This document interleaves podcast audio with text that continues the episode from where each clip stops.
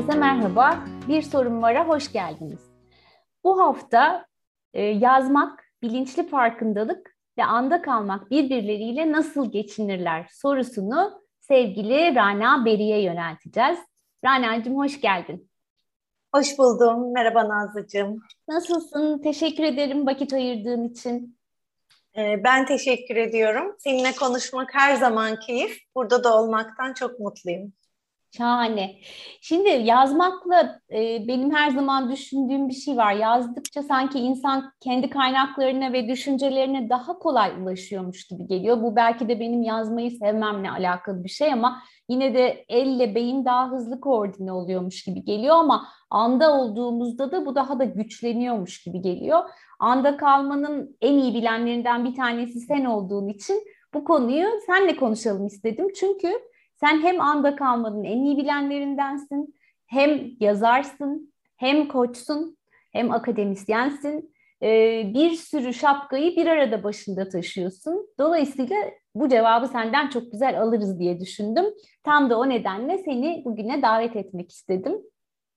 Ama bunları zaten konuşacağız birlikte ee, ama öncesinde e, sana sorumu yöneltmek istiyorum. Sana dair sorumu yöneltmek istiyorum. Bize biraz kendinden söz eder misin bu çerçevede Rayna'cığım? Tabii Nazlıcığım. Ben önce istersen birazcık çocukluğumdan başlayarak senin sorundaki anda kalmak, yazmak arasındaki e, bağa da değineceğim. Ben her zaman için çok olgun bir çocuktum. Yani böyle dünyayı bir gözlemci olarak izleyen, e, beş duyusunu çok yoğun kullanan, e, çok aşırı konuşmayan, e, böyle büyüklerle daha çok arkadaşlık eden, kardeşim benden altı yaş küçüktür. O yüzden bayağı uzun süre büyüklerle iletişim içindeydim. Babaannem bizle kalıyordu. onunla uzun sohbetlerimiz olurdu böyle birazcık daha yaşamı yavaş yaşayan, rölantide yaşayan, belki daha olgun birisiymiş gibi gören e, bir çocuktum. Aa, ama yaşam sevinci de vardı içimde ama bu her zaman daha sakin, daha etrafı gözlemlemeye yönelik e, bir e, varoluştu. Anda kalmak dolayısıyla çocukluğumdan itibaren benim zaten çocuklar her zaman anda kalır ama ben de sanki o birazcık daha böyle güçlendirilmiş şekliyle vardı. Ee, sonra e, Boğaziçi Üniversitesi'nde çeviri bilim bölümünü bitirdim ve meslek hayatımın 21 yılını çevirmen olarak geçirdim. Ee, burada da anda kalmakla bir bağlantılı e, süreç var. On, onları hepsini daha sonra birbirine bağlayacağım. E, simultane çeviride e, anda kalmak durumundasın. Yani evde e, çocuğun ateşli olabilir e, ya da başka bir sıkıntın olur. Her şeyi orada bırakıp sadece o anda konuşmacının söylediği cümlelere odaklanıp onu anlayarak kendin yeni e, hedef dilde mesela İngilizce ise Türkçe'de, Türkçe konuşuyorsa konuşmacı İngilizce'de yeniden üretmek durumundasın. Yani dolayısıyla anlaman gerekiyor. Anlamak için de orada olmak ve anda kalmak gerekiyor. Bu beceriyi her gün kullanarak güçlendirdiğim e, uzun yıllarım geçti. Ve gerçekten de mucizevi bir şekilde her gün şunu görüyordum ki hayatta daha önce yani o kabine girişimin bir saniye öncesinde ne oluyorsa olsun ben o ana kendimi çektiğimde o anın da tam içinde oluyorum. Bunu nereden anlıyordum? Çünkü gerçekten de ortaya anlamlı bir cümle çıkıyor. Soru cevap bölümlerinde soru soru soran kişi e, sorusuna cevap alıyor benim çevirim sayesinde. Ve o kabinden çıktığım anda da tekrar hayata geri dönüp ne yapmam gerekiyorsa oradan devam edebiliyordum. Yani bu kasımı güçlendirdiğim e, uzun bir meslek hayatım oldu. Daha sonra koç olmaya karar vermemde zaten e, bu anda kalmanın ne kadar kıymetli olduğunu bilmem, yapabilmem ve bir koç için anda kalmak konusunun ne kadar elzem olduğunu bilmem hepsi rol oynadı. Yani bunun ne kadar önemli olduğunu biliyordum. Biliyorsun sen de e, çok iyi bir koçsun. Dinlemek bizde, dinlemek, gerçekten orada olmak çok önemlidir. Hatta e, karşımızdakinin bazen varlığımızı unutacağı derecede orada olmak önemlidir. Çevirmenlikte de bu hocalarımızın da bize hep söylediği bir şeydi. Orada olmayan çevirmen en iyi çevirmendir. Aslında tırnak içinde orada olmayan derken tam anlamıyla yani özüyle orada olan yani hikayesiyle değil varlığıyla farkındalığıyla orada olan çevirmen aslında en başarılı çevirmendir demek istiyorlardı. Bunun e, aynısını uzantısını koçluk içinde söyleyebiliriz. Aslında Nazlıcığım hayatın kendisi için de ben bunu bugün söyleyebilirim. E, yani hayatta herhangi bir başarıdan ya da mutluluktan ya da bir hayat iksirinden bahsetmek gerekiyorsa e, bu iksire sahip kişi gerçekten o anın içerisinde e, gerçekten 360 derece farkındalıkla mindfulness ya da bilinçli farkındalıkla anda kalabilen kişidir. Çok güzel bir cümle söyledin Rana, bu çok hoşuma gitti. Hikayesiyle değil, varlığıyla ve özüyle orada olabilen. Aslında ne kadar önemli ve değerli bir cümle bu. Keşke yaşamın her alanında bunu yapabilsek. Bunu koçluk ve çevirmenlik için söyledin ama bütün ilişkilerin içinde, evet. yaptığımız her aktivitenin içinde keşke onu yapabilsek. Ee, ne kadar değerli bir şey olur herhalde değil mi?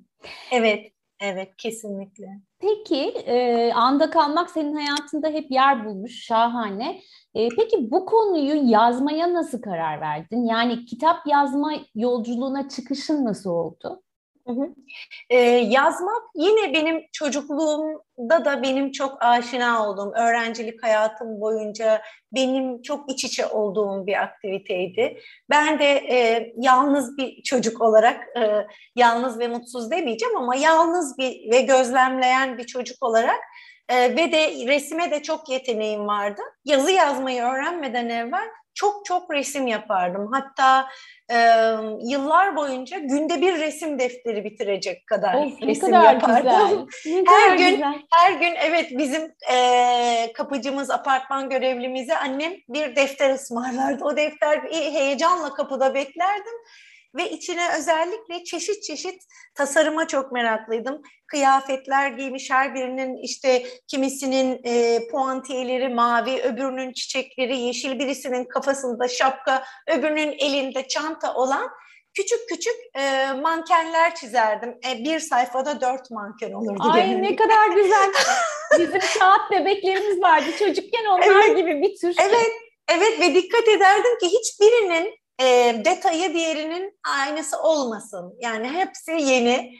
E, ondan sonra yazmayı öğrendikten sonra yazmak, e, hatıra defterleri tutmak, resimlerin altına küçük hikayeler yazmak, sonra yaş e, ilerledikçe şiirler yazmak, şiir defterleri tutmak, e, kompozisyon yarışmalarında derecelere girmek bunlar böyle birbirini izleyerek yazmak benim bir anlamda o çok fazla sesli olarak kendimi ifade etmediğim, çok kendimi e, fiziksel ve konuşmayla ortaya koymadığım o zamanki dünyamda kendimi ifade etmenin çok önemli bir yoluydu.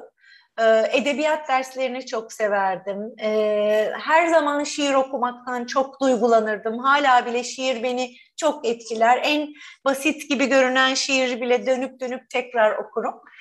Dolayısıyla bu yazma benim için uzun yıllar çok önemliydi. Çevirmenlikte biraz böyle bir ara verdim diyebilirim. Daha çok çünkü bu sefer konuşmaya dayalı bir çalışma hayatı oldu. Yazılı çevirmenlik değil, sözlü çeviri olduğu için ee, daha çok kavramlar, düşünceler bunların sözle ifadesi üzerineydi. Ama böyle kırklı yaşlarda tam böyle e, koçluğa doğru yavaş yavaş yönelmeye başladım. Tam da o zaman aradığım şeyin koçluk olduğunu bilmiyordum ama bu dinleme, odaklanma, insanlara bir ışık tutma ile ilgili bir şey yapacağımı fark ediyordum. Aynen küçüklüğümde e, yetişkinlerin benimle konuşması, bana içlerini açması, benim onları saatlerce dinlemem gibi.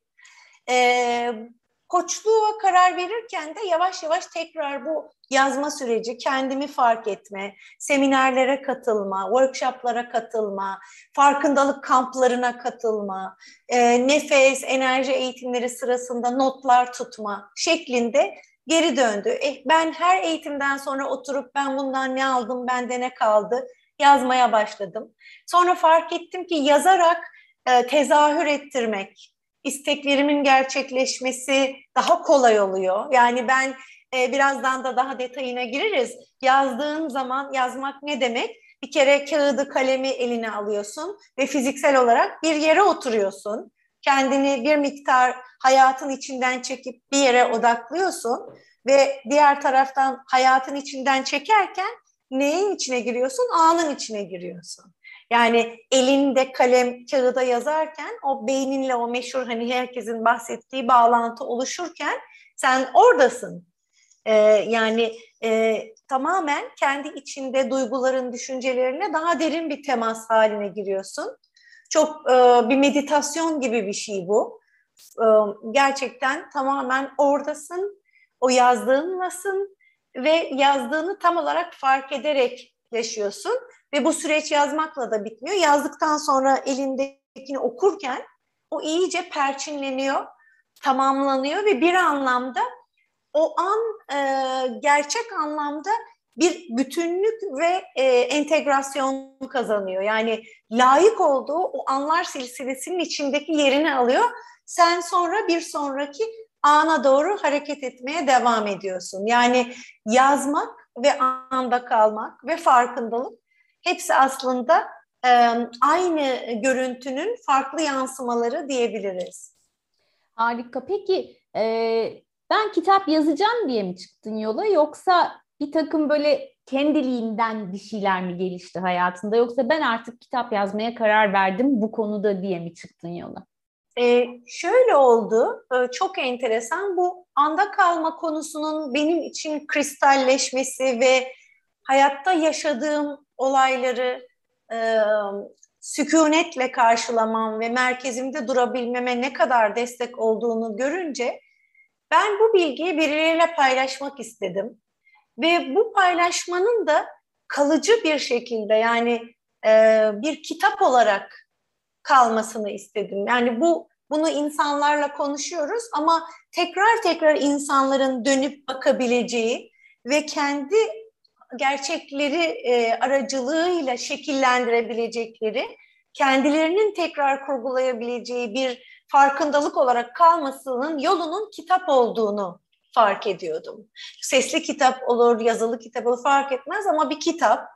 Çünkü bir canlı yayın yapıyoruz ama suya yazı yazmak gibi bir şey e, akıyor gidiyor. Ve e, kitap biliyorsun yani kitap okumanın en büyük bence en büyük güzelliği her okuyanın okurken kendi kitabını tekrar yazmasıdır. Kesinlikle. Yani orada da anda kalarak yeniden bir yeniden okurun kendin için yeniden e, bir farkındalığı oluyor. Dolayısıyla çoğalıyor. E, bu konuya e, ilgi duymam, bu konuya gönül vermem, bu anda kalmak konusunu daha evvel bir sürü yazardan okuduk, bir sürü kişiden duyduk ama ilk defa Türkçe'de e, somut, e, anlaşılabilir, sade, kafa karıştırmayan cümlelerle yazılmasını ve bu yazanın ben olmasını çok arzu ettim. Ee, böyle bir misyonla başladım ilk kitaba. Gelen e, yanıtlar beni çok çok mutlu etti. İnsanların gerçekten aslında uçuş kaçış hep fark ettiği ama bir yerlerde bir yere zapt edemediği bir konuyu sade bir Türkçeyle okuyunca o zaman onlara çok e, e, kazanımlar getirdiğini ve hayatlarını zenginleştirdiğini, hayatı bir kısmının artık farklı bir yerden yaşadığını görünce iki kitap, ikinci kitabı yazmaya e, çok motive oldum. Ve ikincisinde de hikayeler aracılığıyla yine aynı konuyu anlattım ama bu sefer e, daha çok diğer insanlarla olan ilişkilerimizde nasıl anda kal kalabiliyoruz ya da kalamı kalamıyoruz. Bunun üzerinden gittim. Yani kitap bir anlamda benim e, yaşamdaki e, yaşamla olan e, farkındalığımı, e, yaşam amacımı, belki yaşam derdimi e, kayda geçirmek ve daha çok insana belki yararlı olacağını düşünerek yazmakla başladı. Ama bu yolculuk artık kendi etine, kanına büründü. E, benden çıktı yani sen de biliyorsun. Senin de çok çok güzel kitabın. Ay, e, o kitaplar ederim Evet çok güzel. O kitaplar bizden çıkınca artık bizim olmuyorlar. o kitap e, herkese mal oluyorlar ve okuyan herkes de yaşıyorlar. Okuyan herkes de e, bir şey anlayan, e, bir paragrafını bile okusa, onu yaşamında ufacık bir şey değiştirse, bunu yapan kişi de yaşıyorlar.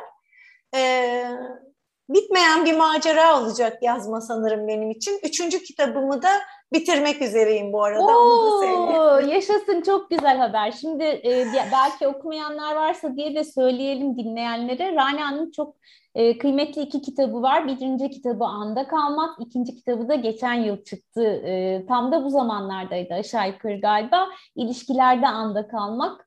E, çok keyifli kitaplar, çok bence e, bize mesaj içeren kitaplar. Onları da okumanızı rica ederim, şiddetle tavsiye de ederim. Teşekkürler. E, kitabı da çok merak ediyorum. Ne zaman okuyacağız? Vallahi şu anda e, editörümle çalış, son çalışmalarını yapıyoruz. E, yeni yıla inşallah çıkar diye düşünüyorum. Yaşasın. Yeni yıl hediyemiz olacak yani. Harika. İnşallah. Çok sevindim duyduğuma. Sana şeyde çok katılıyorum. Kitaplar kendi hayatlarını yaşıyorlar. Ben onu fark ettiğimde çok heyecanlanmıştım. Benim Pollyanna Mutlu muydu da. Ee, sanki hani ben yazdım ya benim zannediyordum. Sonra bir baktım işte bir gün bir arkadaşım bir fotoğraf yolladı. Şimdi havaalanındayım. Bir masanın üstünde senin kitabın var dedi. Dedim ki aynen çocuklar gibi yani onları da bıraktık ve kendi yollarına çıktılar. Ben onun orada olduğunu bilmiyorum. O kendi hayatını yaşıyor. Birilerinin hayatına entegre oluyor bir biçimde. Çok değerli bir şey, çok özel bir şey bence bunu biliyor olmak. İyi ki yazmışız diyorum onu fark ettikçe evet, de. Evet. Peki şimdi yazma meraklıları varsa diye birkaç haftadır da yazma üzerine konuşuyorum ya. E, nasıl yazmaya oturuyorsun? Belki bize bir yazma zamanını anlatabilirsin. Yani hadi ben bir bölüm yazayım mı diyorsun yoksa içinden bir şey mi geliyor ya ne oluyor? O ritüelini ya da o sıralamanı bize anlatır mısın? Evet.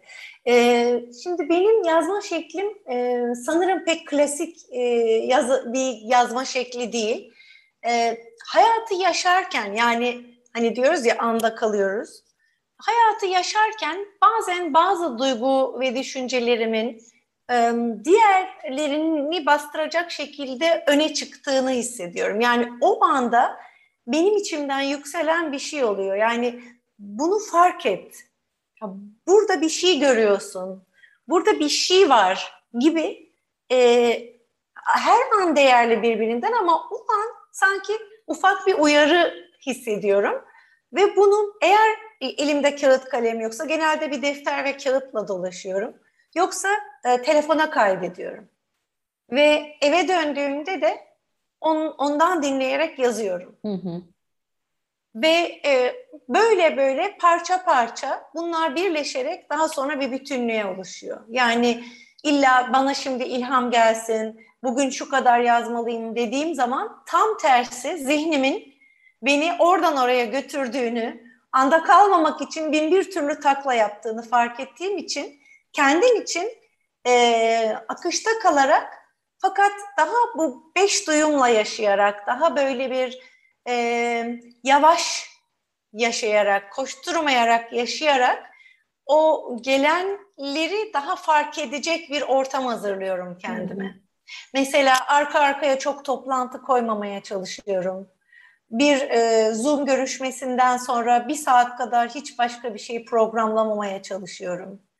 Bazen e, mesela iki görüşme arasında mutlaka dışarıya bir, bir ağaç böcek görmek bile böyle 15 dakika çıkma molası koyuyorum kendime. Böyle böyle kolaylaştırıyorum yazma sürecini kendim için. Peki e, yazdıklarının seni şaşırttığı oluyor mu? Ee, şöyle, evet, o parça parça fark ettiklerimin, düşündüklerimin, e, hissettiklerimin yazı kağıt üzerinde mucizevi bir şekilde bütünleştiğini ve e, böyle katman katman e, alt e, anlamlar taşıdığını fark ediyorum. Yani orada belki bir cümle yazıyor ama o cümle aslında bir kitap bölümü kadar zenginlikte. O cümleyi okuduğum zaman mesela oturup devamını yazmak çok kolay oluyor. Yani o bana e, o portale açılan diyelim içimdeki portale açılan çok önemli bir anahtar oluyor o cümleler. Oradan gerisi zaten akıp geliyor. Süper. Şimdi soracağım soruya da aslında temel oluşturdu sanki bu söylediğin cümle. E, şunu soracaktım sana. Zaten başlangıçta da biraz bunu konuşmaya da başladık. Senin de konuların bunlar zaten. Anda kalmak, bilinçli farkındalık ve yazmak arasında nasıl bir ilişki var ve aslında bunlar seni iç kaynaklarına nasıl taşıyor ya da yazan insanı iç kaynaklarına nasıl taşıyor diye soracaktım. Çünkü tam da senin söylediğin gibi ben de kendim yazarken onu fark ediyorum. Hani bazen hiç de bu önde gündemde olan zihnimdeki konuların arasında yer almayan bambaşka bir şey benim içimden birleşip sentezlenip kağıda dökülü veriyor. Ee, sen de iç portalle sanırım onu kastettin. Ee, birazcık bundan bahseder misin? Bu nasıl gerçekleşiyor? Belki ilham olur dinleyenlere de. Evet. Ee, yani şöyle e, bir, aslında birkaç seviyede yaşıyoruz hayatı bir daha yapmamız gerekenler, işte görevlerimiz, sorumluluklarımız, vazifelerimiz, evlat rollerimiz, oynadığımız değişik roller. Bir de bunun altında var olan o farkındalığımız, daha derinde olan farkındalığımız seviyesinde yaşıyoruz. Ne kadar e, zihnimizde olursak ve görevlerimize, yapmak zorunda olduğumuz şeylere kendimizi kaptırırsak, bu arka plandaki e, özümüz, e, kendi e, kaynaklarımız daha satıl, daha bastırılmış bir şekilde, daha arka fonda oynuyor. Onların birazcık daha duyulabilmesi için birazcık daha böyle e, yavaşlamaya, elimize belki kalem kağıt almaya ya da doğada biraz oturmaya ihtiyacımız oluyor. Ancak ve ancak bu yavaşlamayı bir şekilde kendimize özgün yöntemlerle sağladığımızda o içimizde belki varlığını bile fark etmediğimiz ya da inkar ettiğimiz ya da bastırdığımız şeyler ancak teker teker çıkma fırsatı buluyorlar. Hani böyle e, bir animasyon e, düşün, kitap açılıyor. Bazen çizgi filmlerde vardır. E, har, e, kelimeler e, buharlaşıp sayfalardan yukarı çıkmaya başlıyorlar. Aynen onun gibi ilk başta daha bildiğimiz şeyler olup altında bizim bile fark etmediğimiz kelimeler, kalıplar, farkındalıklar çıkıyor. O yüzden bir yöntemdir yazmak. Yani dediğin gibi e, yani illa yazar olmamız da gerekmiyor. Kitap yazmamız da gerekmiyor. Kendi içimizle buluşabilmek için, orada ne olduğunu görebilmek için, kendimize bir ortam hazırlamak ve e, portal açmak görevini de görür yazı yazmak. Hı hı. E, o yüzden çok e, herkese yani her yaştan, her meslekten herkese e, bir kağıt kalemle dolaşmalarını öneriyorum. E, çünkü e, dediğim gibi mesela ben benim kullandığım bir yöntem sadece bildiğimiz yazı yazmak değil, zihin haritaları var. Hı hı. E, biliyorsun Tony Buzan'ın önemli bir kavramıdır. Ben mesela zihin haritalarından yararlanıyorum ama çok çok basit benimkiler. Mesela e, yuvarlaklar içine alıyorum kelimeleri. Gördüğüm zaman onun alt katmanları da gözümde canlanıyor bir anlamda. Ruhumda ve gözümde canlanıyor. Yani ben belki oraya bir kelime yazıyorum ama onu yuvarlak içine aldığım zaman ondan oklar çıkmaya başlıyor ve başka kavramlara ve başka çok daha derinde olan şeyleri e, temas etme imkanım oluyor. Halbuki onu o yuvarlağı çizmesem oradan o aşağıya giden yolu da göremeyeceğim gibi e, çeşitli şekillerde yazmak, çizmek eyleminden yararlanmamız mümkün kendimizi de anlamak ve tanımak için.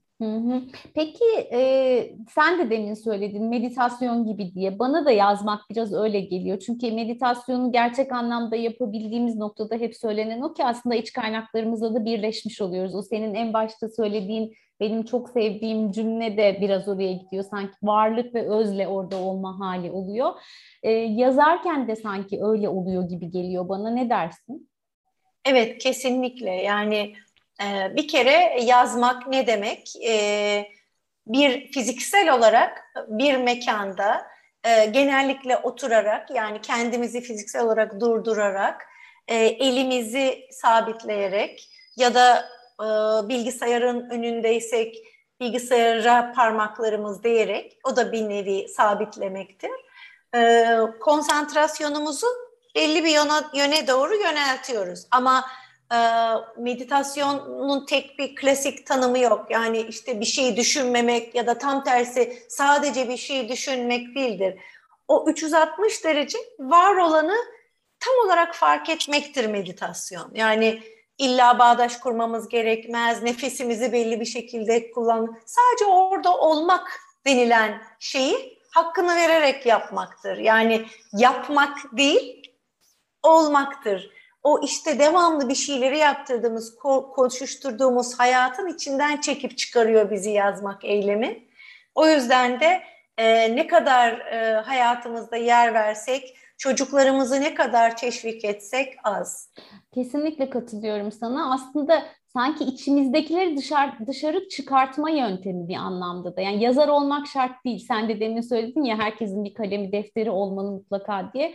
E, ben uzun zamandır herhalde bu 3-4 yıl oldu. E, sabahları sabah sayfaları yazıyorum. Bir Sanatçının Yolu isimli bir kitapta okumuştum ve çok e, iyi hissettirmişti bunu yapıyor olmak. Her sabah 3 sayfa e, içimden ne geliyorsa yani bir kuralı yok, işte bir sırası yok, imla hatası da yapıyorum. E, işte ne bileyim gökteki kuştan bahsederken ayakkabımın bağcığı çözülmüş yazıyorum falan. Tamamen özgür ama onu bitirdiğimde böyle bir bir ferahlık hissediyorum. Çünkü kafamın içi, kafamızın içi de bazen öyle. Ben çıfıt çarşısı diyorum ona. Böyle her şey birbirine girmiş oluyor. Onlar kağıda boşaldığı zaman bir anda o zihinde bir berraklaşma oluyormuş gibi geliyor. Bilmiyorum bu konuda sen ne söylersin? Kesinlikle yani kesinlikle çok netleştiren bir şey. Sabah sayfaları gerçekten çok işe yarayan bir yöntem. Ee, özellikle uykudan kalkar kalkmaz yeni bir güne başlarken adeta e, ben de yapabildiğim zamanlarda e, benim hani sanki o günümü daha rahat ve net yaşamamı sağlıyor. Yani sanki o dağınık e, kitap raflarını diyelim, darmadağınık rafları güne yerlerine yerleştirmiş olarak ve net görerek başlamış oluyorum. O yüzden e, bu çok önemli bir e, çalışma. E, dediğim gibi yani bir kalem ve küçük bir defteri yanımızda bulundurmak, o anda mesela birisine kızdık, ifade edemiyoruz. Oraya bir resim yapmak ya da şu anda kızgınım yazmak bile e, çok o, iyileştirici rolü olan bir şey. Çünkü orada ne oluyor? İçimizde yaşadığımız şeyi kağıda yazdığımız anda ona bir e, e, kapatma yani closure dediğimiz yani psikolojide de bir tamamlama olayı gerçekleşiyor. Yani ben bunu hissettim. O yazıyı yazdığım zaman onu bir yere aktarmış ve onun görevini bitirmiş oluyorum. Yani beni artık rahatsız etmekten e, men olmuş oluyor. Rahatsız edemez hale geliyor. Bir gerçek olarak, o anın gerçekliği olarak kayda geçiyor ve işi bitiyor. Halbuki anlamlandıramadığımız, kafamızda oradan oraya çekiştirdiğimiz düşünceler gerçekten enerjimizi yiyor, bitiriyor. Bu anlamda anda kalmayı çok çok kolaylaştırıcı bir şey. Ee, koçuz, sen de ben de. Koçlukta çok çok yararlandığımız bir şey. Özellikle koçluk seanslarından sonra o kişi bir anlamda kafasında bir yeniden yerleştirme yapmış oluyor önceliklerini. E, bunları yazarak ya da ufak basit notlarla kendine göre kendi anlayacağı şekilde kağıda dökmesi yine süreci bütünleyen ve e, gelişimi hızlandıran bir şey. Yüzde yüz katılıyorum. Ben de şey yapmayı da seviyorum koçluk e, seansları sonrasında tamamlanırken. Bu seansla ilgili sorular belirdiyse kendinize yönelik zihninizde onları lütfen her bir soruyu bir A4 kağıdın üstüne yazın. Altına da aklınıza gelen cevapları hiç düşünmeden alt alta yazın diyorum. Ee, senin dediğin de çok e, önemli. Evet. Yani notlarla kendimizi konuda tutmak, anda tutmak, evet. belki günlük tutmak da bunun bir parçası olabilir. Ee, evet. Oldukça önemli yazma pratikleriymiş gibi geliyor. Yazma ve anda kalmakla il- ilişkiliymiş gibi geliyor. Hı hı. Ee, kesinlikle sana katılıyorum. Peki e, bugünden sonra baktığında zaten bir kısmını söyledin. Bir kitap daha geliyormuş. Güzel haberi aldık. E, yazmak, yazmayı hayatında çoğaltmak ve insanların da bunu anda kalmak aktivitesi olarak hayatlarına katmalarını sağlamak. Bir sürü soruyu da iç içe geçirmiş oldum. Hiç sevmeyiz koşulda böyle yapmayı aslında. Bunlarla ilgili bize neler söylersin? Ee, yani e, dediğim gibi e, belki biraz tekrar olacak ama e, anda kalabilmeyi yazmak çok çok kolaylaştıran bir şey. Ama e, yazmak da anda kalmayı beraberinde getiren bir şey. Yani birbirini güçlendiren aktiviteler ve e, insanlar e, mesela bizim yazdıklarımızı öncelikle yazar olmamıza gerek yok. Kendimiz okuyoruz ve kendimizde bir farkındalık yaratıyor. Benim için bu, bu açıdan zaten yazmak önemli. Yazmaya devam etmek en büyük hayalim. Çünkü ben gördüm ki yazdığım zaman bir, bu benim kendim anda kalmamı çok kolaylaştırıyor yazarken. Ayrıca o kitapla ilgili, o kitabın içindekilerle ilgili her konuşmamda tekrar tekrar kendime bunu hatırlatmış oluyorum. Yani burada bir çift yönlü bir şey oluyor. Hem okurlarıma bunu hatırlatmış oluyorum. Almak isterlerse ya da almaya hazır oldukları kadar hayatlarına entegre etmelerine yol açıyor bu. Ama benim için de şöyle bir bitmeyen bir faydası var. Bununla kitapla ilgili her sorulan soru, her yapılan yorum benim tekrar bu konunun ne kadar önemli olduğunu yazar olsam da bu böyle bir başlıkla bir kitap yazsam da ben de insan olduğum için unutmaya meyilli olduğum bir şeyi tekrar bana hatırlatma misyonu görüyor. O yüzden benim için yazmak, anda kalmak üzerine yazmak ki bundan sonraki kitaplarda yine anda kalmak e, biraz ipucu da vermiş oluyorum. Yine anda kalmak teması üzerinde ama daha anda kalmanın derin 360 derece alt katmanları ile ilgili olacak. Oralara benim de daha çok girmemi ve okurları da birlikte götürmemi sağlayacağı için e, yazmaya severek devam edeceğim Nazlıcığım. Ay çok güzel, çok ben şimdi kitabı çok merakla bekliyorum. Hele o alt katmanları fark edebilme kısmı hepimiz için çok önemli hediyeler olacak kitabından bizlere gelen eminim ki Rana'cığım. O zaman da yeni kitap çıksın, yeni bir bölüm yaparız birlikte. İnşallah, Sen tabii bize ki. birazcık kitabını anlatırsın. Onu da söz vermiş olalım beraberce dinleyenlere. Memnuniyetle. Peki yavaş yavaş sona doğru gelirken bize çok güzel şeyler söyledin. Ee, ben yazmakla anda kalmanın ilişkisini seninle konuşmayı çok istemiştim. Niye istediğimi de şimdi gayet iyi anladım bu konuşmanın sonuna doğru yaklaştığımız noktada. Ben yazmayı birçok şeyle benzer buluyorum. Geçen programlarda da söyledim hayatın kendisine çok benziyor yazmak diye. Çünkü çok benzer bir akışta ilerliyor. Yaşamın sanki küçük bir simülasyonu e, yazarken anda kaldığımızda daha iyi yazabildiğimize göre yaşarken anda kaldığımızda da daha yaş, e, yaşanabilir bir hayat, daha kaliteli bir hayat yaşıyoruz diye düşünüyorum. O benzetmeden yola çıkarak. E, sen senden duyduklarımdan çok sevdiğim, satın aldığım cümlelerden bir tanesi şuydu. Hikayesiyle değil, varlığıyla ve özüyle yaşamda orada olabilmek e, ve anda kalma becerisinin de öğrenilebilir bir şey olduğunu sen çocukluğundan itibaren nasıl geliştirdiğini anlatırken bir kez daha fark ettim. Belki bunların çerçevesinde bugünden geleceğe bizi dinleyenlere vermek isteyeceğin mesajların olabilir diye düşünüyorum bu konunun bileni olarak. Onun için son sözü yine sana bırakmak istiyorum. Çok teşekkür ederim Nazlıcığım. Ee, yani değişik isimler alsa da bu bilinçli farkındalık olur, mindfulness olur, daha kısa ve net tanımıyla e, benim kullandığım anda kalmak olur. Asıl olan e, bence yaşamı yaşarken bir şekilde orada kendimizle bağlantımızı sürdürebilmek. Yani kendi özümüzle, bu dünyaya neden geldiğimizle, bizi hayatı neyin anlamlı kıldığıyla bağımızı bilerek yaşayabilmek. Onun dışında şunu da bilmek, insan oluşumuzdan dolayı zihnimizin bizi çok çok iyi niyetlerle andan kopartmaya çalıştığını bilmek, bunu kabul etmek ve her seferinde ana dönebilmek. Anın içerisinde acısıyla tatlısıyla bunun altını çiziyorum. Çünkü bazen sadece bazı anlar yaşamaya değer gibi kodlamışız. Halbuki acı, hüzün, e, kayıp, bu duygular olmasa biz kazancı, sevinci, zaferi bunları nasıl kutlayabiliriz?